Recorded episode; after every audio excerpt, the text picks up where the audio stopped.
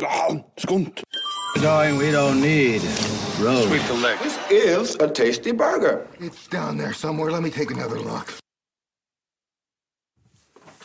Velkommen til sending, folkens. I dag er vi tre stykker studio. To enn så lenge, men siste deltaker han holder på å ta av seg jakken, sprinter forbi lampen, kommer snikende inn på sida bak Henny og bort til stolen sin. Hva, hva skjer?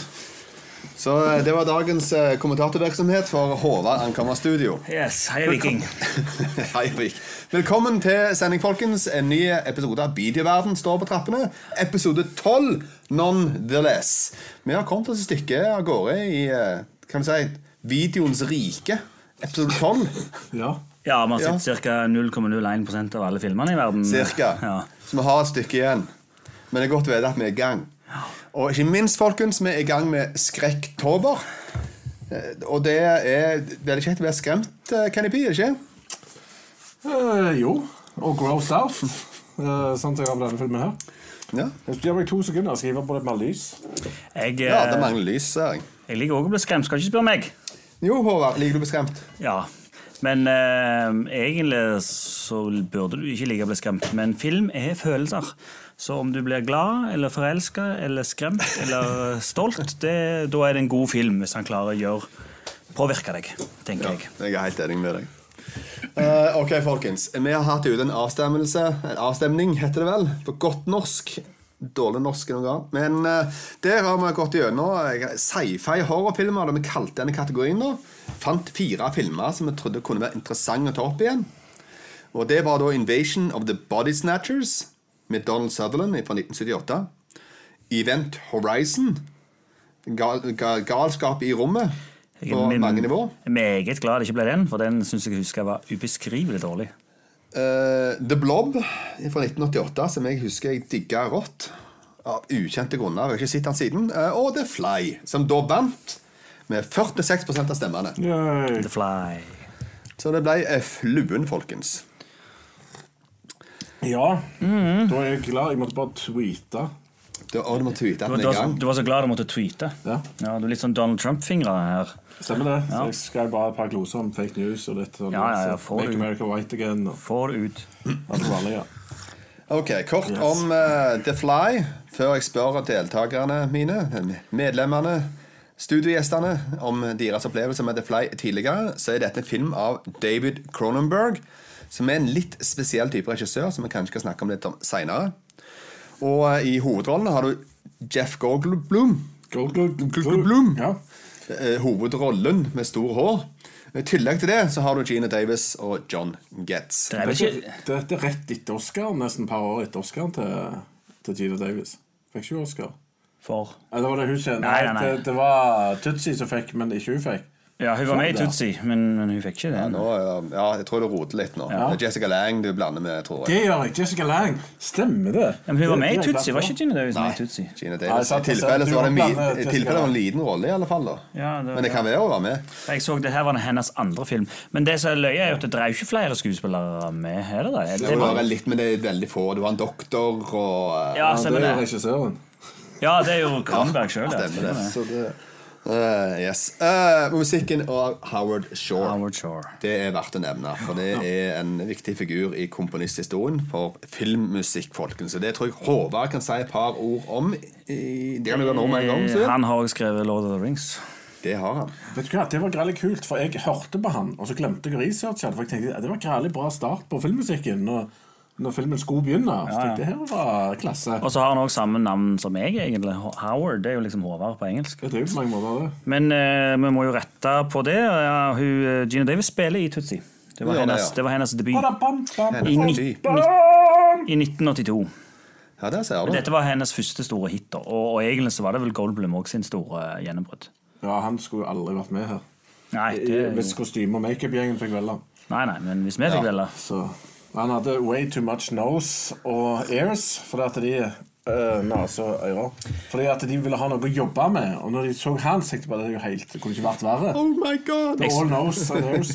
Jeg synes jo, altså, Vi har jo begrepet norgesvenn. Jeg vil jo gå så langt og si at eh, Jeff Goldblum er Sandnes-venn. Sandnes, ikke Stavanger. Jeg, han har jo, jeg tror det er Sandnes han er. Han har jo vært, For dere der ute og dere som hører på, så har jo Joff Goldblum har en svoger i Sandnes, er det ikke det? Og han har vært her seinest senest og nå i sommer for å feire et eller annet. Han i sommer! Ja, det var. Damn! Jeg prøvde å få han her til i vinter. Ja, eller var det kanskje i vinter, da, men det var i hvert fall i år.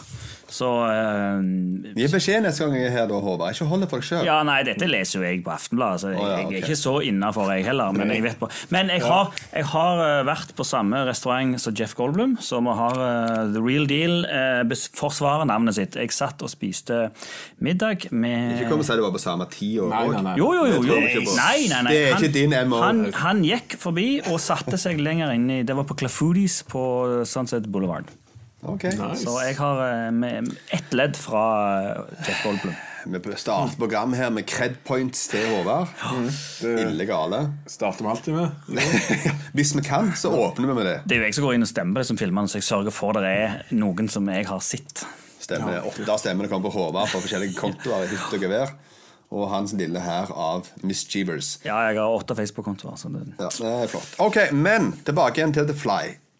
Kenny, har du sett den her før? Og husker du at du har sett den Jeg husker alvorlig når jeg så denne filmen her, for det var noe av det grosseste jeg hadde sett. husker Jeg husker jeg fikk skikkelig kvalmefornemmelser og lurte på hvorfor jeg brukte tid på dette. her, Fikk angst. og Jeg syns dette var skikkelig vemmelig.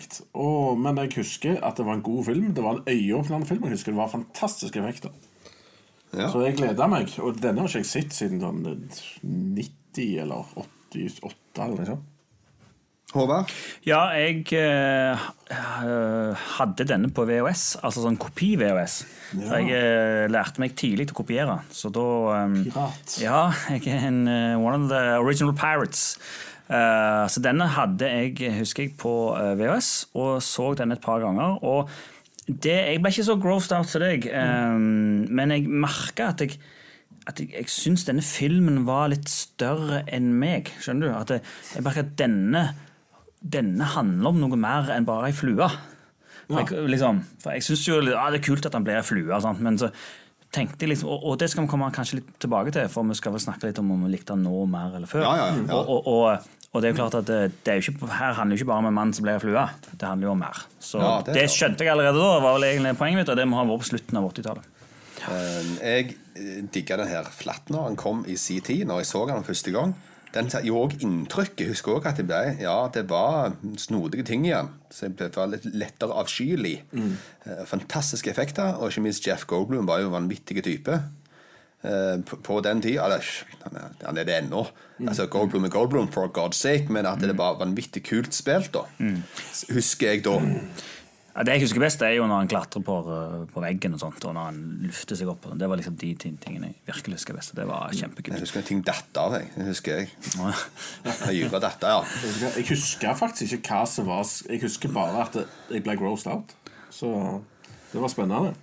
Ok, men uh, vi kan ta en liten karaktersjekk, da. Hva var, det, hva var denne filmen i hodet ditt? Jeg vet ikke hva, Denne her var sånn sterke syver. Jeg vil nesten si åtte. altså Jeg sier sterk syver. Håvard? Ja, jeg vil si Altså, jeg, jeg, eh, jeg hadde den jo beveget seg, jeg husker den, men jeg husker den ikke nok som at det var liksom Å, den store film. Der er det flere andre filmer som jeg husker bedre. Så, men eh, jeg vil, så jeg vil si seks. For meg så var det en åtter, altså. Det var virkelig en stor greie. Ja, Det var en konseptuell, en høytflyvende sak som jeg husker lenge etterpå. Eh, og når jeg skal gå tilbake og se på den nå, på den husker, jeg husker på den, så husker jeg veldig mye. altså. Så den har virkelig gjort inntrykk den gang da. Ja. Så jeg var virkelig spent på om dette her eh, holder det noe som helst mål i dag, eller kommer jeg til å bare grine etterpå hvorfor jeg har gått tilbake og besøker gamle filmer. Ja, kommer du til å avsløre hva du syns i slutten av sendinga? Det kommer jeg til å gjøre. Veldig bra. Sikkert litt underveis òg. Det er sånn det.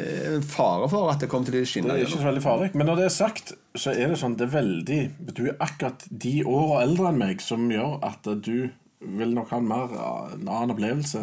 Jeg var sikkert litt ung etter å se denne. Si det sånn. kan, hvis jeg så han på en måte når han kom, så var du sikkert litt for unge til egne seere. Og da ble det bare sånne forferdelige scener. Stemmer det. Så det er de som satt igjen. Hvordan, hvordan føles, føles det å være gammelsen i Skunt? Ikke prøv deg over. Nei. jeg er nesten litt gammel, jeg er ikke fullt så gammel. Da tenker jeg at vi kjører i gang med filmen, folkens. Vi åpner med tidslokket og tar opp The Fly. Tidslokket. Og husk dere som ser på nå, dere kan skrive kommentarer underveis, og så tar vi det på slutten av sendingen. Og dere ser på podkast i etterkant. Ikke hva dere kan gjøre, bare hør. Hør etter. Og dere som ser på, ikke fly vekk. Ja, god. Ok, Da begynner vi med eh, historien i The Fly. Når han er ferdig med den golfklappen sin. der borte. Hyllesten til min vits.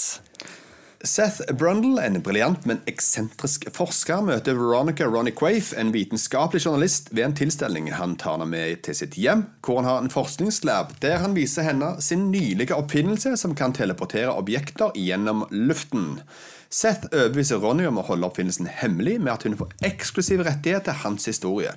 Selv om teleportpodene kan takle ikke-levende objekter, så ødelegges levende vev, som demonstrert når han teleporterer en bavian som blir vrengt i stykker. Da er vi i gang. Ja, Det første som slo meg når jeg så den igjen, nå, det var hvor sinnssykt rett på de er på plottet. Ja, jeg også. Altså, Det første setningen er jo jeg holder på med noe hjemme som kan forandre verden. Ja. ok, Da er det rett inne. Det er ingen relasjonsbygging. Um, og så sier hun ganske kjapt sånn Somehow I get the feeling you don't get out much. så de er veldig sånn Ja, men, men de gjør det ikke sånn exposition-aktig. De, men de går rett på sak. Men du hadde òg en annen her. Når de kjører bil sammen, og han, hun skal være med hjem fra byen og se på frimerkelaben hans, Ja. så sier han I hate vehicles. Ja. Verdens dårligste hint på at her skal vi teleportes fra A til B. Ja. Nei, eh, det er jo veldig rett på. Og så får han det litt sånn, litt sånn lett med seg der. Eh, Men hun er liksom intrigued. Og en annen eh, trivia her er at de var faktisk kjærester på likt Nei, på, de var faktisk kjærester på likt med innspillingen av filmen. Var det si. Så de var kjærester på ekte. Og, og egentlig så hadde de jo kasta andre både i begge de to rollene, da. Men, men det var vel egentlig han som foreslo henne, da. At hun skulle være med. Det ble et problem ut av det der. For det at når folk er en del sammen, så har de en tendens til å mimikke hverandre. For Ja. sånn. Og de ligner sykt på hverandre. Ja. Og litt sånn rundt munnen. Det er et eller annet sånn uh, litt trutmunnen begge to har. Ja, Det vet jeg ikke, men det jeg vet, er at uh, når du er så unik som eh, Jeff Goldblum Måten han beveger seg på Han har så helt måten å være på. eh, og så sier han A for en annen karakter. A, og så sier han noe sånn kunstneriske greier hele veien. Og hun eh, hadde helt samme kroppsspråket som han og begynte å a-a seg rundt. Så de sa jo at du må detache deg sjøl ifra Jeff Goldblum, ellers så går ikke dette. For dere er helt like, og dere skal ikke ha den connectionen her. ja, jeg ser det. Så, Men jeg må si det var vanvittig forfriskende med måten det her starta på. Ja, egentlig. faktisk, Det skulle jeg òg til å si. Effektivt. For at nå er det veldig sånn karakterbygging. Og sånn. nå ser man jo TV-serier som er Det burde jeg gjerne kalle karakterbygging. For det er mer type sånn er ikke norsk ord, men staging. Ja, ja. Med, med at du kommer både sånn eh, skudd over, over byen, fyker ned, du kommer Ja, ned til en bil, hun hun kjører, hun får beskjed at du skal kjøre dertil, Ja. til den tilstelningen, du som er journalist. Og se, og så, Ja, ja. Du kan bygge det opp helt annen måte. Alt det er bare tatt vekk, og du trenger det ikke. Nei, og, ja, og det er jo en skrekkfilm, så- og de er jo som regel litt mer effektive. da Men, men jeg så en, en serie her nettopp, en Unbelievable på Netflix, veldig bra forresten. Men der bruker de tre minutter på ei som kjører i bilen. akkurat som du sier. Og så skrur på radioen, eller finner ikke noe, og så skrur på radioen, og så er det en sang, og så synger hun sangen. Det er ikke vits her. Og jeg, og jeg syns det var litt sånn Wow, nå er vi rett inn i plottet med eneste gang. Ja, Han tenkte, sier wow, i første setning. Liksom. Jo, men så, Du fikk jo fram med en gang hvem han er, og hvem, litt, hvem hun Ja, ja. er. Sant? Du fikk jo karakterbygging. For. Ja, ja, ja, Men de- om det men er bare med kommentaren med at, at du kommer deg ikke ut mye blant mennesker. Og så Bare måten han snakker på, øynene, Ja. den intense greia, måten han har setningene siden på. Altså Måten han snakker på, Alt det sammen viser at det her er en snodig type som troligvis kan mye rart. Ja, Men det er én ting jeg reagerer litt på, og det er når han spiller piano. For den, eh, den er jeg ikke helt med på. For at, eh, Han setter seg ned når han kommer hjem, og så spiller han på piano, og da blir han litt sånn douche. Synes jeg. Og jeg har jo spilt gitar på litt nachspiel, jeg òg, så jeg, jeg liksom kjenner meg jo igjen i scenen. Og um, jeg, jeg klarer ikke helt se hva det skulle Ja, du, gjøre. du, han, han er en mad scientist. Det er ikke du. På alle måter. jo, jo, er- Og han her eh, henger jo ikke han henger ikke med på sosiale normer. Så han, så han setter seg og spiller skrekkmusikk Ja. når han har lurt med ei dame hjem som er allerede freaked out fordi en lab som ikke ser helt bra ut. Så, Jeg synes det eh, var, stemte 100 med den karakteren. Han har jo avstumpa sosiale antenner, så ja, det var Ja, det men lureste. han gjorde ikke noe mer ut av det Nei, seinere. det var en rar greie. Det var det, var det trikset han hadde. Ja, ja. hadde jo ikke mer. Nei, jo, han har jo mer triks. Han har jo en fucking teleportmaskin. Det er jo da du drar dame, tenker jeg. Ja, ja, mer enn med et piano. Ja, jeg hadde jeg hatt en teleportmaskin, så skulle en ja, ja. piano, ja. ja det. Hadde jeg hatt en teleportmaskin, så skulle jeg love deg jeg hadde stått nede og sagt ja vel, vil du hjem og se? damene setter seg på kanten av pianoet sånn når pianisten Ja, spiller. ja, men hun, hun dro jo av seg eh, strømpene sine. Strømpebuksescenen var litt sånn småhot, var ikke Ja. det? Det var Og, kul, det. og, og den viser jo òg at hun er litt med på det, for hun sier I don't wear jewelry. Så hun er litt intrigued, hun òg, og det, det liker jeg. Ja, jeg, jeg vet ikke helt. Nei. Det er jo mer det at det, det, Til da i filmen så vet vi jo ikke med at hun er journalist. Nei. Til da i filmen. Nei. Har vi planlagt det? Men det som er jo greia, er jo at det, han tror jo ikke heller Eller jeg vet ikke om han vet Nei, han det. vet ikke hva hun er. Nei, for han ble jo litt sjokkert når hun liksom Å ja, skal du skrive om det? Jeg trodde jeg hadde drag på deg, jeg, liksom. Ja, det stemmer. det, men altså, hele, Hun spiller en rolle der. Helt til hun har gått ut og kom seg opp på kontoret sitt, til redaktørkontoret, så har hun spilt en rolle. hun. Ja, men på et eller annet punkt så liker hun jo han òg. Ja, Men det kommer jeg egentlig etterpå. etterpå. Ikke da.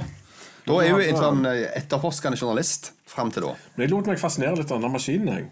Som, Ja. uh, han målte alt, da.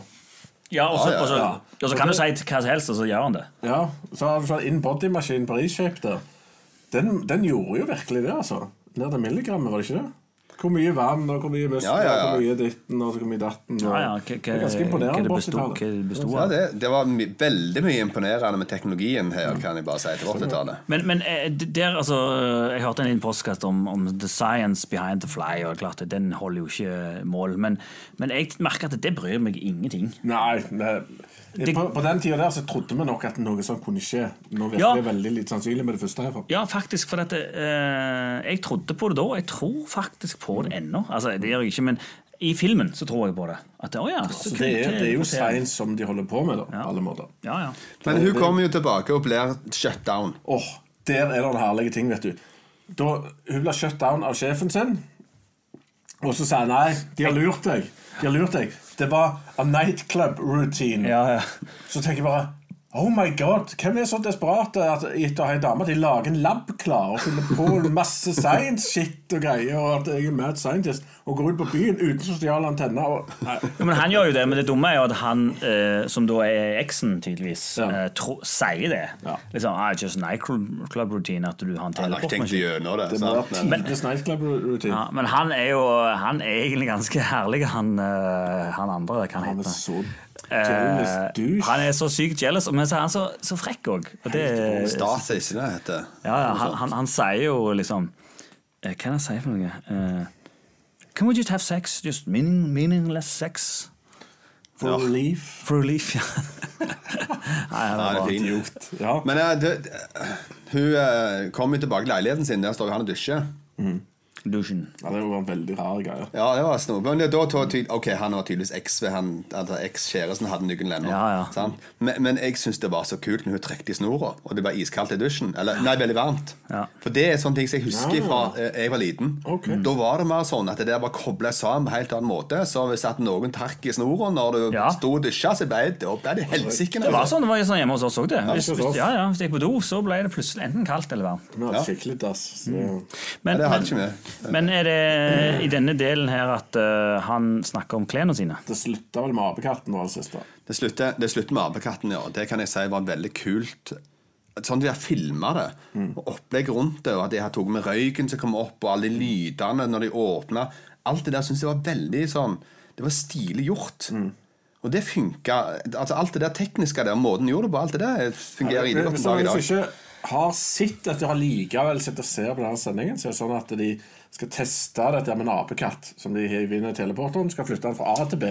Først, først testa han vel med sånn eh, biff? Nei, nei, det? nei. Eller- Nei, det Nei. kommer jeg etterpå. Det kommer etterpå. Og apekatten kommer jo da fram i andre enden. Så ser du bare en sånn labb som klasjer på, på ruta, og så kommer det blod ut. Og så åpner de, og der ligger Jeg tror han er inside out. Ja, Altså. han er ja. Og han lever fortsatt. Og det må jeg si, det var virkelig imponerende effekter. Altså. Der satt jeg bare Wow, det var ekkelt. Ja, det er Gummi, virkelig bløtt. Det er, det er så Ja. praktisk effekt altså, det går an å bli. Ja. Og det, det funker jo ennå, altså. Når, jeg lager, når de er flinke og sminke og gjør praktiske effekter, så funker det nå. Akkurat den, akkurat den trodde jeg på ennå. Ja, gjorde det, altså. Men eh, så tar han vel biffen etterpå. Det er etterpå, ja. Eh, Så vi skal, skal jeg lese litt videre? Ja, Les videre, da. Seth og Ronny de utvikler et forhold.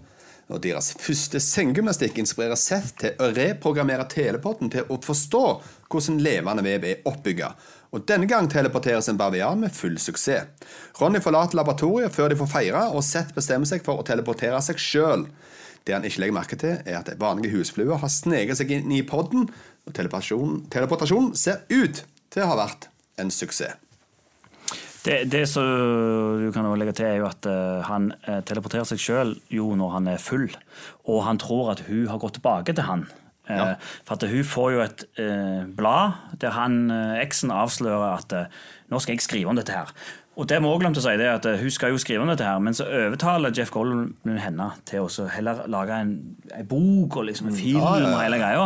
Eh, men så kommer han eksen og så liksom Ja, nei, nå skal jeg skrive om dette her. Så går hun tilbake til han for å overtale han. Da tror Jeff Goldblum at det, nå er det slutt. Liksom. Nå Ja, ja, ja. vil ikke ha meg lenger, så begynner han å drikke. Altså, så Så finner han ut på nachspiel hjemme hos seg sjøl. Nå skal jeg teleportere meg sjøl. Kjempetriks. Eh, men jeg kan si at han fikk jo til dette her eh, suksess da, med bavianen. Men, men så er det biffen din. Biffen. Biffen. For da fikk jeg Er det mulig? Er det mulig? Altså, han, han begynner med bavian, og så går han over til biff. Og den smaker veldig funky, tydeligvis. For her er det, og så finner han ut av det. Kan vi ta en bifftest til, da? Før du tar en bavian, da? What the hell? Ja, Det er et veldig godt poeng. Og eh, i forhold til at jeg er glad i dyr, så er det jo helt krise å waste en perfectly good bavian og bror den andre bavianen Ja, ja, ja. når du kunne tatt en biff. Ja. han, tydelig, han har en veldig god kobling til en eller annen bavianshop. Det er plass. ikke bra å waste en god biff heller, altså. Skal sies. Ja, godt poeng. Men, eh, Så Skyte den på en helgemeny. Men, men, um, men det er sagt, han smakte syntetisk. Altså, Ja. Datamaskinen eh, oversatte tydeligvis disse tingene. ja. Og han tok ikke med smak, han tok kun med utseende. Og det Ja. var litt sånn Hvor får du den eh, logikken ifra? Jo, men det, det er jo et eh, plot device for å liksom, at han skal liksom Ja, jeg må, gjøre, det litt som jeg til virkelig med var bekymret for. Så for hus, eh, Gina Davis skulle få smake av denne biffen. nå. Hvor grundig vaska de egentlig den teleporteren? Det skulle, skulle mm. virkelig Den skulle vært rein, den. Før. Men hun, sier jo det òg. Ja. A, a baboon just died in there, sier hun jo. Ja, og skipet died. Han ble vrengt. Ja. Og så er det jo liksom eh, Hun må spise han først. Han kan ikke spise han først. Nei. Så han gir han til henne. Mens, Stemmer det. Man, uh, ja. En en annen ting vi kan si i den eh, scenen som er en liten trivia, er at uh, han, han snakker om sånne dressene sine. Han har jo fem akkurat dresser. Så sier hun sånn Du eh, Skifter ikke mye klær, du? Jo, det er det jeg gjør. For jeg, eh, men jeg har akkurat samme klær nå. Og den dressen der, det er akkurat samme dressen som Mr. Bean uh, går med. Og uh, Mr. Bean har jo òg Når Mr. Bean the Movie kom, så var jo tagline 'Be afraid'. Be very afraid. Så det, Ja, Mr. Bean er ganske inspirert av The Fly. Og vet du hvem som fant på den, av alle folk? Ja, det var Mel Brooks. Yes, det var Ja. Mel Brooks. Hvem skulle tro? For Mel Brooks skulle jo egentlig produsere den filmen, eh, men så fant de ut at han ville ikke ha navnet sitt på, for da trodde folk bare var tullefilm. Ja. For han lagde jo bare tull. Ja, det, han lagde jo bare det med store bokstaver, så hadde alle gjort det klart for å le. Ja, ja. Helt til det kom en apekatt inside out. Ja, det er ganske eh, morsomt. Men, men så har det jo òg Nei, det har det ikke. Ja, men jeg kan si en kommentar som jeg syns var veldig, veldig kul. Iallfall i manuset var det veldig kult. Kult levert på alle måter. For det at Jeff Goldblum sier Computers are dumb. They only know what you tell them. Sant? Og på, på 80-tallet, på den tida vi levde i da, så var det jo Kankuta var bare sånn magiske vesener på film. Stemmer det? Så det var en veldig framtids... Den der funker jo i dag. Absolutt. Ikke sant? Det er det ikke mye som gjør. Ja, for at det, det er akkurat de tingene vi er redde for nå. Det er at eh, roboten skal ta over. liksom. Men her sier vi at nei, du kan faktisk ikke stole på. Selv om du gjør alt riktig, så glemmer du smaken.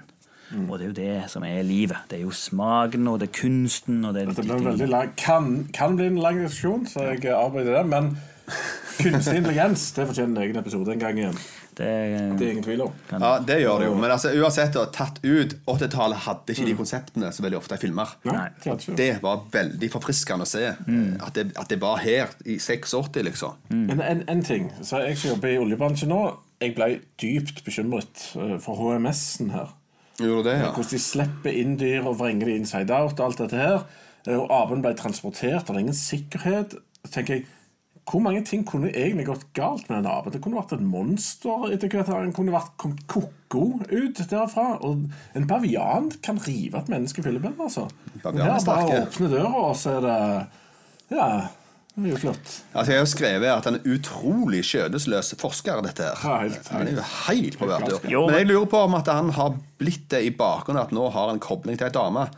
Og da kan du måte forstå det, at det er på en måte ting i han som er, ellers ikke er der. de har tenkt på det når de lagt den? Det vet jeg ikke, men det, det, det kan, sånn kan justifisere hans ja, eh, Men han, han er jo litt gal forsker, og det som også er morsomt, det er han tidlig til filmen så sier han jo det er jo egentlig ikke han som har lagd maskinen. Han sier jo bare well, they, they build it for me. They give me the parts, and, uh, but they don't know what they're making. Så, så liksom han får, får de andre til å lage ting til han, så det er han som setter det sammen. Så han, han kan ikke alt. Han gjør liksom bare kronen på verket. da. Så det er ikke sikkert han skjønner alt. Nei, det det er tvil om i forhold til hvordan han driver og Så seg fram til Ja, ja. ting. Han famler litt i blinde, tar med noen biffer og litt babianer og ja, all over the place. For å si det sånn også, Dette her føles på alle måter som starten av en superheltfilm. Den har alle elementene som en superhelt eller superskurkfilm har. Bare at du får aldri den der eh, Altså, Du får oppbyggingen og testingen av kreftene, du får alt. Bare at han går nærmere. Og det var jo en av de tingene altså David Kronberg var egentlig ikke den første Eller han, det var han de Det er han på Total Recall. Ja, jo, men det som greia, han skulle faktisk gjøre Total Recall. Ja. Så da kunne han ikke gjøre The Fly. Så leide de inn en annen. Så fikk han en uh, personal tragedy. Det var han, datteren hans ble drept. Uh, og så viste det seg at uh, de utsatte Total Recall. Så da fikk David Kronberg gjøre det igjen. Men da sa David Kronberg da vil jeg skrive manus. Så han skrev manus, og det var akkurat de tingene der han skrev om. uh, da, at, det, at det, han skulle få litt mer superhuman strength. Det skulle være litt mer det enn at det skulle være For det, dette er jo, det har vi også glemt å nevne, det er jo remake. Ja, det er det. Fra 57, ja. Ja, 57-58, og, den- og den ble det jo gjort tre uh, filmer av, med to sequels. Ja. Så, og, og der er det jo litt sånn at uh, ja, det er flua kommer inn i, og så blir han ei, blir han ei flue. Men her blir han jo en blanding, da. Det er det som er litt kult. da. Ok, Skal vi kjøre litt videre i historien? Ja. Seth, eh, Seth begynner å legge merke til en sterkere fysisk form, noe som han tror er et resultat av at teleportasjonen har rensa kroppen hans. Han begynner òg å hige etter sukker, samt snodig hårvekst på ryggen. Seth begynner å bli mer brusk når Ronny ikke vil teleporteres. Og når hun flatt nekter, stikker Seth til en bar der han knekker armer på en fyr i armbakke og tar med seg jenta med navn Tony hjem. Der de da har sex, og Seth vil at Tony skal teleporteres. Ronny ankommer og redder Tony fra teleportering. Ronny sier til Seth at hårene på ryggen hans har insektgen, men han tror henne ikke. Men når, fing når fingerneglene begynner å falle ut, da forstår også Seth at det er noe galt her med den teleporteringa som skjedde. Han sjekker computeren og ser der at ei flue ble blanda med hans egen DNA. Så nå er vi i gang. Bare si en liten ting der. Det var en herlig dialog der mellom hun, eh, Gina Davis og han der eksen. Ja. Hva hun sier for noe? At uh, I'm on to something big. What? His cock? Den er jo også- Jesus, han der mannen der, altså. At han har fått seg noe ever, er helt utrolig. Men det er jo også bra når han kom, kom til den baren, der, der det random bare sitter to fyrer og uh, Ja, har- de har- armbåndfolka. Så sitter, står Jeff Goldblum og har en rolig samtale med ei dame og sier Ja. på om jeg skal hive meg på sånn armbånd. Ja, du forstyrrer oss i armbakken! Og så Ja, ja. Så jeg bare, what? Det der det er men- den verste scenen i hele den verste jeg har sett. Ja, det var det, men la oss ikke glemme at dette var tida til den der filmen til Sylvester Stallone. Så Ja, riktig. Ja, ja, Over the, over the Top. hadde tatt Stallone lett. Men så går han jo bort til hun dama og så sier han eh, ja, 100 dollar hvis jeg slår dere, og hvis jeg slår dere, så skal jeg ha med hun hjem. Ja. det, det er noe sånn. Men så sier jo, eh, parerer jo hun da Do I look like a hooker? Eh, men så får han jo noe med seg hjemme òg, da. Men jeg syns ikke det er for mye metoo i det. Egentlig så er det bare gøy. Det viser bare hans uh, selvtillit. Men det jeg reagerer på, det er jo at eh, han knekker armen hans. Altså, det må jo egentlig bety at han andre er ganske sterk, hvis han klarer å holde igjen hånda, sånn at det bare den knekker. Jo, men hvis du gjør det kjapt nok, så, så skjer det. Okay. Ja, fordi de knekker faktisk på ekte. Jeg har sett på TV. Den, Ja, og han Thomas. Gjertsen knekker også, men det- er huden. Ja. Så det, ja. Ja. Nei, så jeg vet ikke helt hvordan det skjedde, men det er nå greit. Men det var en ganske ekkel scene. Ja, det- det den var- kjente jeg langt den funka, den. Her, altså. Men, men eh, hadde du vært dame eh, og sett dette skje, hadde du blitt med en fyr hjem som nettopp reiv av varmen på Nei, det var litt vel sånn eh, happy go lucky på hun der etterpå. Å ja, jeg skal si du må være sterk, du. Du, ja. du knakk armen hans og la, la, la. Veldig sjeldent er min opplevelse at du knekker armen på noen og sier dame hjem fordi du gjorde det. Ja, det, det tror jeg har hørt er meget skjedd. Det er en snodige dame, vil jeg si. Men der også er det en morsom For hun, hun sier sånn Ja, jeg kan være med deg hjem Because I live with my mother anyway. Og så når da Gina Davis kommer dagen etterpå liksom, uh, Så sier jo Jeff Goldblum Well, I live with my mother too. Hello mom. Det, var, eh, det var det morsomste i filmen faktisk. Ja, den var faktisk ganske fin. Uh, jeg må si bare, var ganske ripped. Ja. Goldblum. Goblin var i en god shape. Det var virkelig gode greier, altså. Ja, ja, ja. Det la jeg ikke så merke til når jeg så han eh, som 11-åring, men det la jeg merke til nå. Ja. Ja, jeg la merke til det òg nå. Det, var, det der hadde jo gått rett inn på en måte i hot movie hunk body Jo, nå. jeg tror han var regna som hot, det hot shit i den tida. jeg, Altså. Ja, der var i hvert fall, hadde iallfall kroppen til det. Litt sånn kunstneriske og litt uh, eksentriske. Der slo han det på 80-tallet. Det var ikke typisk 80-tallskropp, det der, kan jeg si. Nei, det var han ikke. Det Hvordan var det nå? ganske ripped. At du var ikke, du Var hadde du ikke mye ja, hadde, du- Nei, men du hadde Ja. Arnold var sånn, men da, da var det muskeltype. Arnold, Arnold var Utenom det, og det var filmstjerner, typ sånn Kevin Bacon. Ingen, ingen hadde sånne kropper. Nei. De var bare tynne og vanlige, liksom. Nei, Så det var uh, sjeldent. Hun hadde en herlig og Han begynte jo å formere Altså, Formere seg. det ble deformert. Ja, var det jeg ja, er ute etter. Uh, og så sier hun You even smell bad. Never been much of a bader. Wow. Nice. Uh, Nice save. bra fyr. Ja, greit det. Jeg reagerte litt på det sukkergreiene hans for det. Det syns jeg var Ja. tåpelig. For det er ikke hvis, at hvis dette hadde skjedd, og det at, du- at du tenker at Hei, kan jeg lyst på sukker nå? Så hadde du fortsatt ikke begynt å forandre på komposisjonen i kaffen din. Nei. Du hadde sikkert kjøpt mye mer sånn sukkercandy og så, Jo, men det kan, alt men det kan til være der det rundt begynte å deg. kicke inn litt.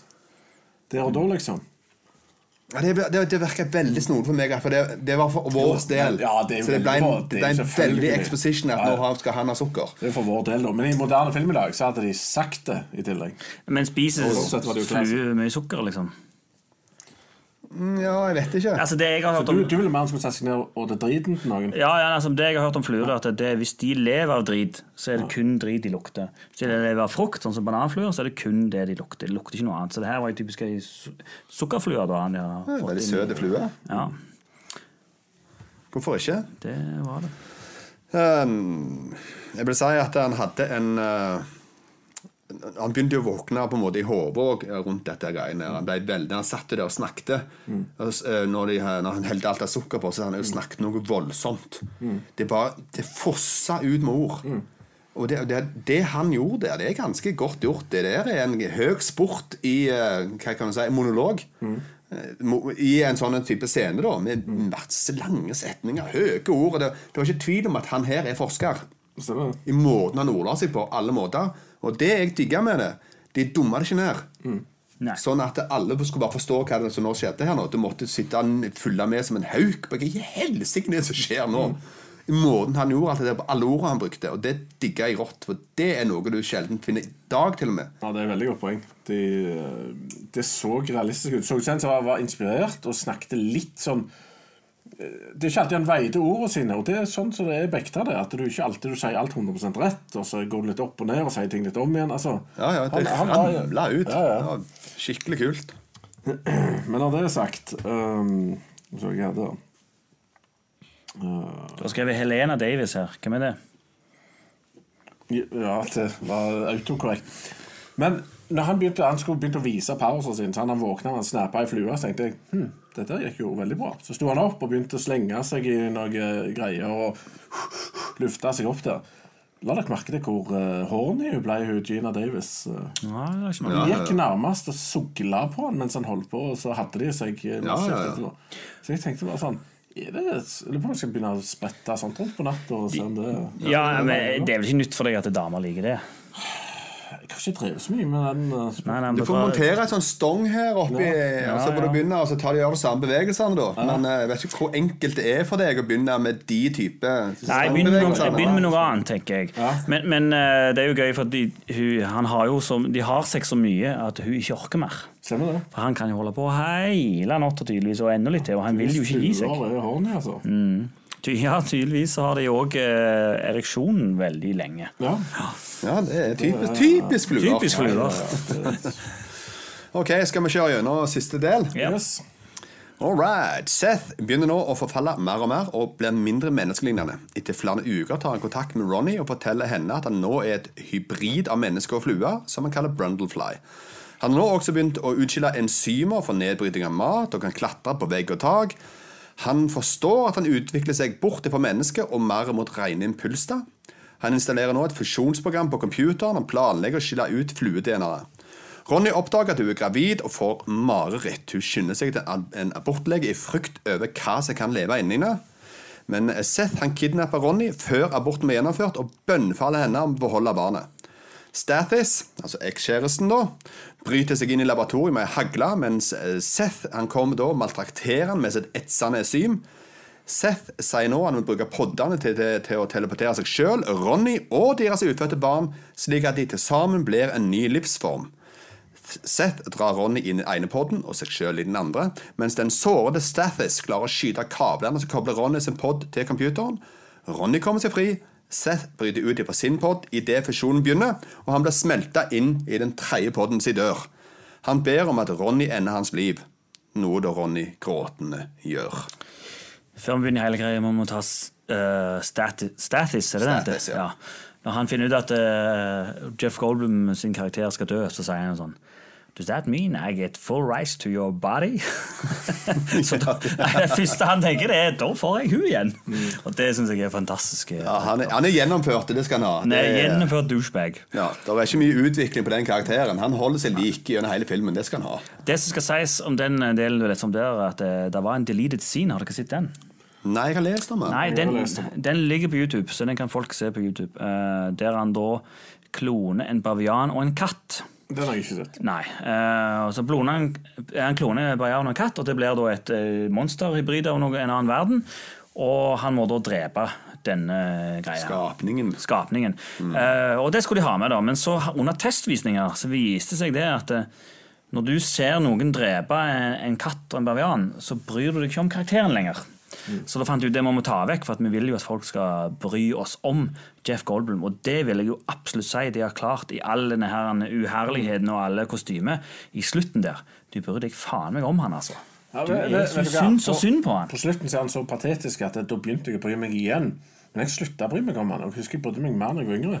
For nå mista han sympati, for jeg følte han hadde gått så langt i vekk fra mitt tankegods at jeg klarte ikke å relatere meg til han lenger. Når han, det begynte egentlig med sukkeret, og fra der ble det verre og verre.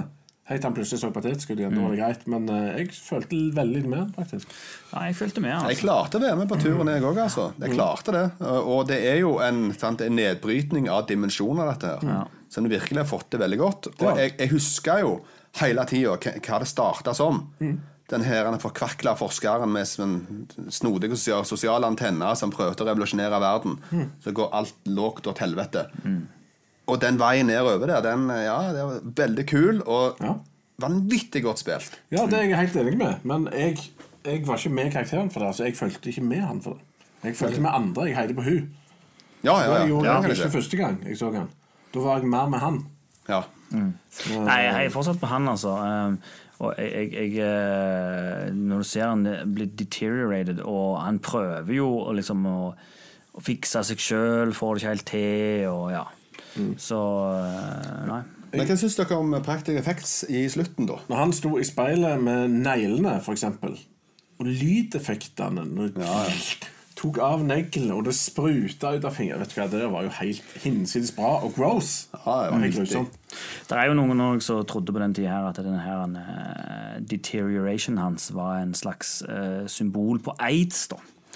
For Aids-epidemien var jo på det sitt største og mest populære uh, på den tida der. Og, og akkurat når han står der med fingeren, altså, og det kommer litt sånn væske ut, så ser jo det litt sånn seksuelt ut. da. Det Så- er mange som har lett for å prøve Du kobler, du kobler ting til nuet. Ja. ja lage alt til å bli en genistrek, som Ja. ikke er det. Og det, jeg har null tro på det du sier. Nei, men, men det Cronenberg har sagt, er at eh, nei, det er mer en slags tegn på at eh, du blir eldre og, og, og dør. Og, og, men hvis du vil lese aids-innlegg, så er det greit, det, sa han. Liksom. Det Jeg sa jo at du kan ha er- til alle typer sykdommer, Ja. ikke, ikke nødvendigvis aids, liksom. Ja, og det var jo det jeg nå eh, skal komme tilbake til, som jeg, jeg skjønte mer nå enn jeg gjorde når jeg var liten, det var at dette her er jo en film om det. Om å miste noen, noen som forfaller foran deg, som gjør en liten feil. og de, Nå leser jo kanskje jeg litt mer i den jeg skal, men, men liksom det eh, syns jeg var kjempebra med filmen. en gang så Men jeg syns òg det her var At det her er veldig liksom, på sidelinje, da, men det er òg en parallell til Alzheimers. Ja. Med at du detter helt til sammen som menneske. ja, for jeg, jeg, nå, Det er også sånn, det er mange paralleller du kan trekke her. på sånn historie Ja, det er det, og, og nå eh, begynner jeg å bli litt gamle sjøl, eller kan jeg gjerne bare snakke for meg sjøl, men uh, synet mitt ikke sant? det er ikke det det en gang var. Sant? Og det er klart, Nå begynner ikke neglen dette av, men, men det er jo litt sånn når du blir så gammel som oss at det, det går jo bare én vei, dessverre. Eh, Heldigvis så går det ikke det går så fort så i den filmen, da, men eh, det er jo en, en, en eh, Det er jo en alvorlig film, da. Så det du egentlig sier om en 20-30 års tid, så ligger du der og kryper og sier 'shoot me'. Jeg tenker jo at det har skjedd teleportering og gensplicing lenge før det. Ja. Så da skal nok jeg spleise meg med noen med, med noen, og noe noen yngre fluer, ja. Ja, det godt ut. Men er noen som la merke til scoren, altså musikken her, når de sto i speilet og sånt noe greier? Nei, men jeg la merke til Nei, Vil du snakke om det? Nei, det, altså, det var ikke mye mer enn at jeg syns det var fantastisk bra. Igjen, det er utrolig bra filmmusikk i denne filmen. Ja, det synes jeg altså, Gjennomgående likte jeg veldig godt musikkbruken i filmen. Ja, jeg, jeg likte det veldig godt i den scenen der han finner ut at det hadde vært ei flue inni. For da, typisk i en nymotens film nå, så hadde det vært sånn akkurat når han ser bildet av flua boom, Så det var kjempetrist musikk, for da skjønner han sin egen skjebne. Bla, bla. Men det var det ikke her. Det var bare sånn creepy, sånn eerie. Sånn, «Nu, nu, nu, nu, hva er dette her for noe? Og så akkurat når han liksom da finner ut faen Oi, unnskyld. Så kommer han liksom Og så går det over i neste scene. Så det er liksom mer creepy enn det er sånn Å, synd på meg. Liksom. Jeg hang meg veldig opp i det, hvordan den datamaskinen fungerte, og stem voice control og greier. Jeg, Ja, det jeg Siri, er ja. fascinert av hvor mye sci-fi det var i den der maskinen der. Ja, veldig mye. Iallfall med tanke på hvor uh, langt de hadde kommet. Ja, Men det Så var det var veldig bra konseptuelt, da, med det som det var satt opp der. men jeg har to høner å plukke i denne siste delen her. Det ene er jo hvordan finner eh, hovedpersonen Seth ut at hun er gravid? Han står jo på taket når de snakker om det. Hun Ja, sier det. at det ja. Ja, men- du ser på en måte han står oppe på taket, de filmer opp der, omtrent som Hunchback og Notre-Dame. Ja, I i et sånt øyeblikk der oppe når han står oppe på ok, så de, de de snakker om det, da? Står, ja, ja, da sier jeg 'Jeg kan ikke ha dette livet inni meg'. Ah, må ok, ja, det fikk jeg med meg. meg. da, det er bare meg Så. Men det andre, og den tar du meg ikke på, det er når han kommer inn han, og så skal han drepe Stathis kommer inn, så skal han drepe Han vet ikke hva som er der inne, for han har ikke sett det. Eller han sitter på film, da, men han vet ikke hva tilstanden er, men han kommer inn, og så setter han sammen rød geværet. Det tar seg tid til. Det burde jo gjøre før, da. For det var Nei, jeg, jeg er enig i det. Han burde ha kommet inn med geværet, ikke med en sånn 'Nå skal Ja. vi begynne'. Altså, sånn. Ja, jeg er enig i det. Det var en kul scene når du setter sammen i gevær, for så vidt, men liksom det gjør du ut føre. Kanskje filmens kuleste scene er jo definitivt når, han, eh, når de havner i basketaket, disse to. Og så spyr han flueacid. Ja, eh, og da har de den tidligere filmen forklart at når du spyr flueacid på ting, så er det for å bryte ned maten, og så suger han opp igjen. Det er hvis det er måten ei flue er det på. Og det var grafisk rått, altså. Han tok hånda hans der, og, og hver foten òg, Ja. og så svimte han av. Ja. Og egentlig der skulle det vært en scene med at han spiste foten hans, men det ble visst det droppa de, for det ble ja. Hun kom jo og stoppet det, da. Når Ja. han egentlig skulle gjøre seg klar Men den scenen eksisterer. Det er jo egentlig rart at ikke noe skjer med hun da, for han tar jo på hun òg, men det er nå en annen sak. Men Sånn eh, konsentrerte syre ja. som angriper sånn homing-syre. som eh, for et lite trivia var en blanding av melk og honning. Ja, riktig. Ja, som han brukte. Jeg hadde visst at det der var farlig. Blanda melk og honning. Det Det var litt løgn han kalte Han samla jo kroppsdelene sine inni skapdøra. Og kalte Hva han kalte det? The bathroom is now the Brundle National Museum. Stemmer det. Av eh, Ja, hva han kalte de kroppsdelene sine for? Ja. Nei, men det, det er utrolig vakkert når han eh, tar geværløpet mot sitt eget hode. Altså. Det- Den scenen der, den, Ja, er den knakker meg nå òg, den, faktisk. Fordi, eh, ja, for det er liksom du ja, Alderdom, og du liksom, du vet at du det er ikke noen vei tilbake her. Og så bare, bare Og der viser han liksom på en måte litt sympati òg, på en måte. At det, Nå må det dere var litt Jeff Goldblum der inne igjen. Og, Ja, ja, hint of a person. ja. Men jeg vet ikke om jeg kjøpte helt det der at han ville spleise de til én greie. Det syns jeg var så rar ting som jeg ikke vet helt om jeg klarte. Ja, men han er på en måte at det var, det var det surrealisme så hadde nivåene havna på. Som uh, mye logikk som forsvant ut, og desperasjon og panikk og Jeg vet ikke. Jeg tror mer det var det. Ja, mulig. Mer enn bare ren analytisk logikk. Og så en liten sånn eh, flashback her. Når regissøren er gynekolog i drømmen hennes, og larven kommer ut. Hva syns du om den scenen? Eh, det jeg kan si det er at grunnen, eller når Martin Scorsese traff Kronenberg for første gang, så sa han 'You look like a plastic surgeon in Beverly Hills'. Uh, og det gjorde at han uh, liksom tenkte oh, da kan jeg jo jeg spille lege i denne filmen. her. Men, men eh, Cronenberg er jo òg skuespiller. Han har jo spilt i masse filmer. Han spiller bl.a. i Jason X, som er en av de siste filmene i Jason-universet. Og har spilt i Alias. Så, ja. så det har dere det. Cool. Men, men eh, ja, nei, det er en, eh, jo en morsom scene, det, da. Jeg syns den funker den ennå. Ja, den funker kjempebra. Det er på grunn av practical igjen, så funker det jo. Alle uh, Gross-scenene funker. Eneste jeg reagerte bitte litt på, er Goblum sin bodysuit når han gikk rundt og hadde veldig lite mimikk. Så For meg var det relativt tydelig at det ikke Alt, alt er ikke satt skikkelig sammen. Ja. her Så Utenom det så var det helt kongeeffekter. Helt fantastisk. Fikk jo Oscar òg for det, da. Jo, det, ja. Faktisk. Det, Det er verdt å nevne, for det her er ikke en film som får Oscar. Men han fikk Oscar for det. Og de mener jo at Jeff Goldblum eh, ble snubbed. eh, Ja, fordi det- dette her er en skrekkfilm, og skrekkfilmer, skuespillere og komedieskuespillere de får ikke Oscar. Det stemmer. Det er spille... en classy eh, skrekk-bodyhorrorfilm. Mm. Ja, det er det jo. Ja. på, på, skuespillerteknisk er det jo også på et litt annet nivå enn sånne filmer pleier å være på. Stemmer det. og Gina Davis gjorde en kjempejobb her, syns jeg òg. Ja. Hun har klart seg bra. Ja. Ja, Kjempebra kjemi mellom de òg. Ok, men da har vi landa litt. Hva tenker vi? Oppsummering. Vil behove. Ja, um, jeg uh, syns denne var kjempebra denne gangen når jeg så den. Nå så jeg den i dag, faktisk. Og ehm, det jeg likte, det er at som du sier, det er forfriskende, at det går rett på plottet. Uh, jeg skjønner det ganske kjapt. Uh, samspillet mellom de to er meget bra. Selvfølgelig eh, er det jo ting å ta på det med datamaskinen og det med de effektene. Er jo ikke up to date. Det er de ikke. Og, men det gjør ikke noe, merker jeg. Jeg bryr meg ikke om det, for at det, ehm, for at jeg er så engasjert i plottet. Men jeg kan jo selvfølgelig ikke svare på hvis jeg var 16 år og så den her. Liksom, da hadde jeg nok sikkert reagert litt på det. Men, men jeg syns ikke det gjorde noe. For det, det var ikke for mye om de tingene der. Det handla mer om en eh, om mellom de to. Eh, en gal scientist som eh, dessverre fucker opp og gjør noe galt med seg sjøl for å prøve å redde verden. Og så blir det en trist og vakker. Og til og med når han har masse sånne greier på seg, så så er det litt mimikk. Så jeg er ikke helt enig med, med, deg der. Du kan liksom eh, rykke Jo, til slutten, liksom ja. Men han gikk eh, med en gang var blitt litt sånn fluete, og huden ikke så bra ut og sånt, så. Og, så var det som jeg sa tidligere nå, Jeg tror denne gangen så skjønte jeg mer hva filmen er. Uh, at han har et lag til annet enn å være bare en skrekkfilm. Mens når jeg var liten, så så jeg bare skrekkfilmlaget. Og det var nok av skrekkfilmer å se, så det var liksom ikke Ja. Så jeg likte den veldig godt. Nei, jeg la den faktisk på åtte. For eh, Det er veldig sjelden jeg ser en film fra 80-tallet som er såpass dated, som jeg liksom virkelig liker og, og nyter. Og det gjorde jeg denne gangen. Eh, Så jeg lander på åtte. Da eh, kjører jeg i gang. For jeg syns òg det her var en vanvittig kul opplevelse. Jeg så den òg sammen med min eh, datter, eh, som òg likte den. Sånn for så vidt. Sånn varierende, da. Men altså, hun sier at det her filmen kommer til å huske. Det er det iallfall ingen tvil om. Og hun er alder Hun er 13. Ok. Så hun ble på en måte òg satt ut uh, av hvor godt det var lagt med, med alle disse herene, sånn ufyselige effektene. Eh, og ikke minst så stokker hun òg veldig.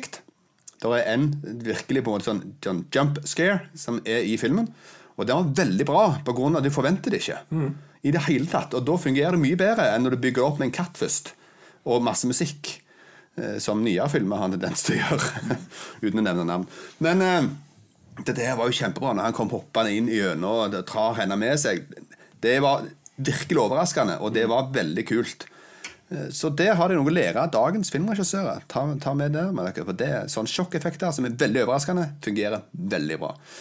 Men jeg kommer ikke til å gå så høyt som åtte. Jeg kommer til å havne ned på syv. Og det er i bakgrunn av at eh, det var fantastisk bra når han kom, og eh, han var veldig bra da. I dagens moderne samfunn så han, Jeg kan ikke si han holder mål på åtte, altså, men han er verdt å se ennå. Og han klarer fint Han klarer fint å måle seg mot dagens filmer, faktisk. Så da er jeg han syv. Syv av ti. Ja, altså Det er ikke så veldig mange filmer i sånn type sjanger som er bedre, som har kommet de siste årene, syns jeg. Uh, det er bra skuespill over hele linja. Musikken er kjempebra. Eh, effektene holder veldig overraskende bra mål. Jeg er helt sjokkert over hvor godt de uh, tåler tiden. altså. Eh, Foruten det så syns jeg ikke filmen går noen plass på så dypt som, uh, som Håvard får med seg. Så jeg, jeg er ikke like engasjert i det, selv om jeg syns avslutningsscenen var kjempebra. Så, så er det allikevel en utrolig bra film. Det er syv i dagens standard, så er en syverfilm, syns jeg. Jeg. Men hvis du skal si sånn historisk sett, så vil jeg gjerne si at det en åtterfilm fordi han har klart å holde seg så mye. Ja, det er jeg helt enig med deg i. Men hvis du skal se, se, sette han foran en kid i dag, da, så er han nok en syver, tror jeg. Men utenom det, det er en kjempeprestasjon av en film. Jeg hadde aldri trodd dette etter å ha sett Nightmare on Elm Street-skiten i forrige uke. Så dette her er et mesterverk i forhold. Ja, ja, ja. Utrolig positivt overraska, og denne kan hvem som helst sette seg ned og se i dag. eh, Og ha en fungerende opplevelse. Yes, da kan vi gå over på chatten, tenker jeg. Ja, men skal vi ta litt eh, helt til slutt nå? Det er jo det at uh, vi får ikke vite hva som skjer med babyen. Og det er jo litt sånn spesielt. Jeg vet ikke om det er et setup til The Fly nummer to. For det var jo en Fly nummer to. Er det noen som har sett den? Ja, jeg så han faktisk i sin tid, men jeg husker null av han, og det er et veldig dårlig tegn. Ja, det er jeg også, så vet jeg så han, men det er også som husker null av. Og som sagt, veldig dårlig tegn. Og, og til dere der hjemme, der er Gina Davis ikke med. Uh, Jeff Goldblum er jo selvfølgelig ikke med, fordi han er jo død, men de viser litt klipp av han. Og eh, Stathis er jo med. han er den eneste som er med, da. Og det, er ny, eh, og det er faktisk han som gjorde Practical Effects, og som er regissør. Ja. Um, så det er jo litt av de samme folka, men den skal visst være dårlig. Og så har det vært snakk om at til og med at David Cronenberg og Jeff Goldblum skal komme tilbake og gjøre en Fly. Men eh, fred. det, er ikke, det er ikke skrevet i stein. Hva er vitsen? Den her holder seg jo. Det er ikke vits i. Vitsen, vitsen er jo å tjene penger. Ja, selvfølgelig. Det er derfor de gjør det. Men er det alt så viktig her i livet? vårt? Ja, jeg vet ikke hva slags huslån Jeff Goldblum og Kronberg har. jeg. Ok, men Da går jeg inn på chatten. November Passion er inne og sier at Jeff Goldblum var altfor lite med i Thor Ragnarok. Ja, Han kunne gjerne vært med Jeg er mer. helt Han forandrer seg null i måten å være på. Han aer seg gjennom hele Tor Ragnarok. Ja, ja, ja, ja. Det er fantastisk. Mm. Bjørnar sier at Gina Davis er hot. Kanskje ikke så mye i denne filmen. Altså, Vi har jo strømpebuksescenen, og så, så får du se en halv side titt denne gangen. Det hadde sikkert vært en slager, iallfall på 80-tallet. Ja, ja, ja, absolutt. Så- Nei, hun, hun klarer seg bra, hun som den på en måte litt sexy babe som òg skal være i den filmen. Så klarer seg. Men, men det er fascinerende at det de klarer å strekke seg til, er en sidetitt på sexfronten, mens du får se negler sprekke og apekatter på vrange og alt det der greit, Ja, ja. men ikke en hel nippel. Det blir for meget. Ja, nei, det stemmer, det. Det er hardt. Ja, ja, ja. Det, det er Amerika vi snakker om. Uh, skal vi se. Dette er den beste prestasjonen som hun har gjort, altså da hun Gina Davis. Det var jo bare ei hun i denne filmen. så... Ja, altså, Det er så løye med han trakk han akkurat tilbake. Ja, jeg ser det. Jeg klarer ikke å lese mer, men det er beste prestasjonen hun har gjort. Ja. Uh, Linn Andreassen Talge sier name-dropping. Keep them coming. Skal jeg si Linn Andreassen Talge gang etter gang? Er det det? Jeg tror det, det ja, vi snakker om name-droppingen til Håvard. Oh, ja. Oh, ja, var det det? Okay. Ja. Selvfølgelig var det det. Ja, jeg har ikke sett Gina Davis, eh, dessverre. Nei. Men jeg har sett Thelma Louise, Du har sett, filmen. men du har sett en som har hatt seg med Gina Davis. Ja, ja, Jeff. Ja, hadde, han hadde seg ikke på restauranten da, men uh... Tross alt. Uh, Bjørnar nevner Maps to the Stars er fra 2014, også Cronenberg. Den har jeg ikke sett, nei. Hva sa, kalte du den? Maps to the Stars fra 2014. Ringer ingen bjeller. Nei, jeg har heller ikke sett det. Men jeg har hørt om den. Men jeg har ikke sett den. Det, det jeg eh, la merke til når jeg researchet litt på Cronenberg, er at jeg hadde egentlig ikke sett så mange av filmene hans. Han, Han, har, han har lagd veldig mange. Før denne her så hadde han lagd Scanners Ja, det eh, og eh, Videodrome. Ja, Ja, jeg hadde sett lite av de greiene der. Men Men de òg har sånne funky spesialeffekter. altså. Ja, jeg skjønte det. Og det var derfor de sikkert ville ha han til å gjøre denne her. Men etter, etter det så har han jo gjort litt sånn drama, og sånt, blant annet History Violence, ja. en sånn konebankefilm, og Eastern. Promises, Ja, eh, som er en bra, begge veldig bra mafiafilm. Begge to med Viggo Mortensen. Uh, ja, det var den. Ja. Ja. Bjørnar var jo inne på om vi har sett oppfølgeren. ja. Så han mener vi har ekkel og mye dårligere film. Og ja, det Ja. Skal ikke mye til at en toer er det, veldig ofte. Dessverre. Skjerp norsken, sier han òg. Og at håndbakscenen var brutal, ja, for det var han. Det var han. Men den knekket der, det er, også, det er veldig gode effekter på alt. Altså, sånne ting, altså. opp i halsen tre-fire ganger denne filmen, og det er ekstremt sjeldent lenger. Så det Nå ble jeg overraska hvis noen sa ja på dette spørsmålet fra November Passion. Har vi sett den polske skrekkfilmen Possession? Nei, men jeg var i Polen tidligere i dag. Og jeg har vært Teller på det? Possession. Det teller. Det teller jo. Ja. Det, Jeg kommer det rett, greit. kommer rett fra Krakow. Så, men den er sikkert bra, den November Passion. er ikke det? Og han lurer jo òg på om han sitte The Devils. Ja. Det har jeg heller ikke sett. Nei, det er tydeligvis en uh, skrekkfilmfan, dette her. Ja, nei, ikke Skrek- kanskje jeg har sett noen av de. Og Linn eh, har da sagt note to self, at hun skal lese seg sjøl opp på fluereaksjonen. Det, er jo bra. Det eh, syns jeg hun skal ha en egen podkast om, faktisk. Ja. Det hadde vært fantastisk. Kan ikke du gjøre det, Linn? Ta en podkast av fluereaksjon. Du blir faktisk verdensledende innen fluereaksjon. Ja, det tror jeg veldig raskt blir det. Uh, Bjørnar var enige med meg og deg på syv av ti. Ja.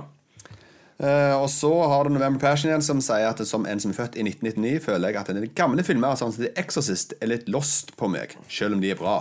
Har dere opplevd noe sånt? Eh, Vi er jo ingen av oss født i 1999, da. Så. Nei, vi er jo litt eldre, da. Så da må det være med det at sånne skrekkfilmer som kommer på en måte fra 60-tallet osv. Ja, så ja, altså- jeg kan si det, fordi min mor Hun var jo fikk helt hetta av disse seriene vampyrfilmene med sånn Christopher Lee og sånn. Og det blir på en måte bare sånn snodig for meg. Mener du Lost Boys? Nei. Nei. Nei, altså Christopher Men kan oh, ja, ja, de- at de- de, de er litt lost Gamle, på han, gamle. da? Er det at han ikke har fått de med seg? Eller? Nei, At han ikke skjønner de. Han, skjønner, han tar det ikke på den måten som de han burde. For jeg, jeg- ser greia at uh, han har sikkert lest at, uh, Det der er at fantastiske er fantastisk, og så ser han det, og så liksom Nei, skjønner han ikke helt. Men hele denne podkasten er jo basically det som han sier da. Ja. Og det hagler jo. Alle filmene vi har sett, nesten er helt lost for meg. Utenom denne. Utenom denne. Eh, men det jeg kan si sånn generelt, er at det er veldig få filmer jeg liker som er lagd eh, før uh, Eh, Ja, Den er 80, 78. ja Nei, den var vel før Star Wars, var Men 70-tallet er ekstremt gritty og realistisk, og det er en egen Ja, og- og- gjeng med folk som liker det. 60-tallet, altså Easy Riders liksom sånn, jeg sånn, Hæ, hva er det handler om det her egentlig? Og, og 50-40, jeg prøvde jo å se sånne svart-hvitt-filmer, Nosferatu og The Fly. Det er diverse filmer som jeg syns er veldig kule fra den tida òg. Altså, sånn som 'Tolv ledsvorne menn' og Ja. ehm, noen av disse herrene spagettivesterne syns jeg er kule. Mm. Og uh, du har jo ikke minst Citizen Kane, som er helt nede på 20-tallet. Så du har sine ting som jeg setter pris på. Men det, det, Men det er ikke mange. Det, det renner ikke over av Nei, og vet du hva? Jeg ser mye filmer fra den tida, på jevnt og trutt hele veien. Og 40-, 50-, 60-tallet. Og det er haugevis med filmer der som er mye bedre enn mange av de vi har sett i, i denne podkasten her. Er det det? Hva, Ja, ja. Kan du nevne et par mens du er i gang? Ja, så det meste av Hitchcock, for eksempel.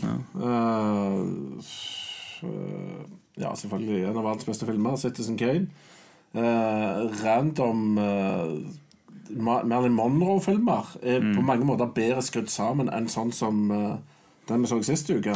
Ja, det, det så, Det, du blir helt satt ut over hvor dårlig det er til tider på 80-tallet og, og 70-tallet. men det som slår meg med disse gamle filmene, er veldig mye at det er litt overacting. Synes jeg. Det er litt sånn teaterskuespill. filmer, ja. Ja, det er litt teaterskuespillere. Ja. Og, og, og det har blitt mye bedre i, i, i mener jeg, og, i denne her filmen spesielt, som var veldig bra skuespill, men òg liksom, eh, 90- og 2000 og nå i siste at du, det er mye mer mye bedre skuespill. Og, ja, sånn ja. James Stewart og sånn, som var virkelig the, the shit i sin tid.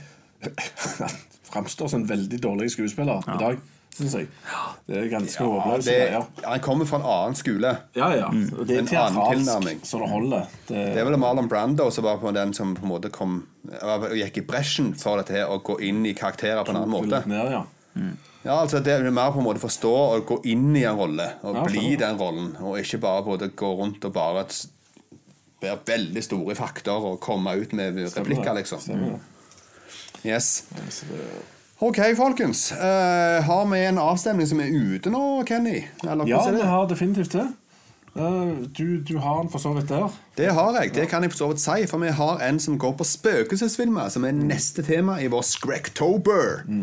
Og der har vi da ute Candyman fra 1992, Poltergeist fra 1982, Uh, The Amityville Horror, eller Demonene i Amityville fra 1979, og House on the Haunted Hill fra 1999, altså ondes hus. Kan, uh, skal jeg røpe litt om hvordan ting ligger an her? Men ja, det er noen som har en ledelse, og det er ikke Amityville eller har sånn noe til. Uh, så er Poltergeist Candyman ligger godt an. Uh, så, ja. så får dere inn og se og stemme. Men hva, som en liten slutt, hva heter The Fly på norsk? Heter han Fluen? Heter Fluen. Rett og slett Fluen. Så ja, kreativt. Ja. Det var Yes. ingen, ingen hadde skjønt hvis det het The Fly. Det hadde blitt for avansert. Ja, jeg skjønner. Der, og der er faktisk, husker dere Ikke Smith and Jones, men det var to andre eh, sånne komiskuespillere som lagde en parodi på The Fly. Og Da hadde de en sånn en, eh, teleporteringsmaskin, og så ut så kom det en svær glidelås. Fordi det heter jo Fly på engelsk. Ah, det bare, det bare renner inn her. Ja, så den my eh, God. det, Ok, det er min humor. Da har vi gjennomgått The Fly fra 1986. Yes, og hiv opp en tommel, det er veldig viktig. Husk algoritmen til YouTube, sånn at han finner oss interessante på en eller annen måte. Ja, ikke minst. Eh, og vi gleder oss til episode 13, som blir spøkelser. Woo. Så følg med. Vi er fort tilbake igjen, kanskje neste uke, forhåpentligvis, med da spøkelsesepisoden. Så til neste gang, folkens. Vi snakkes.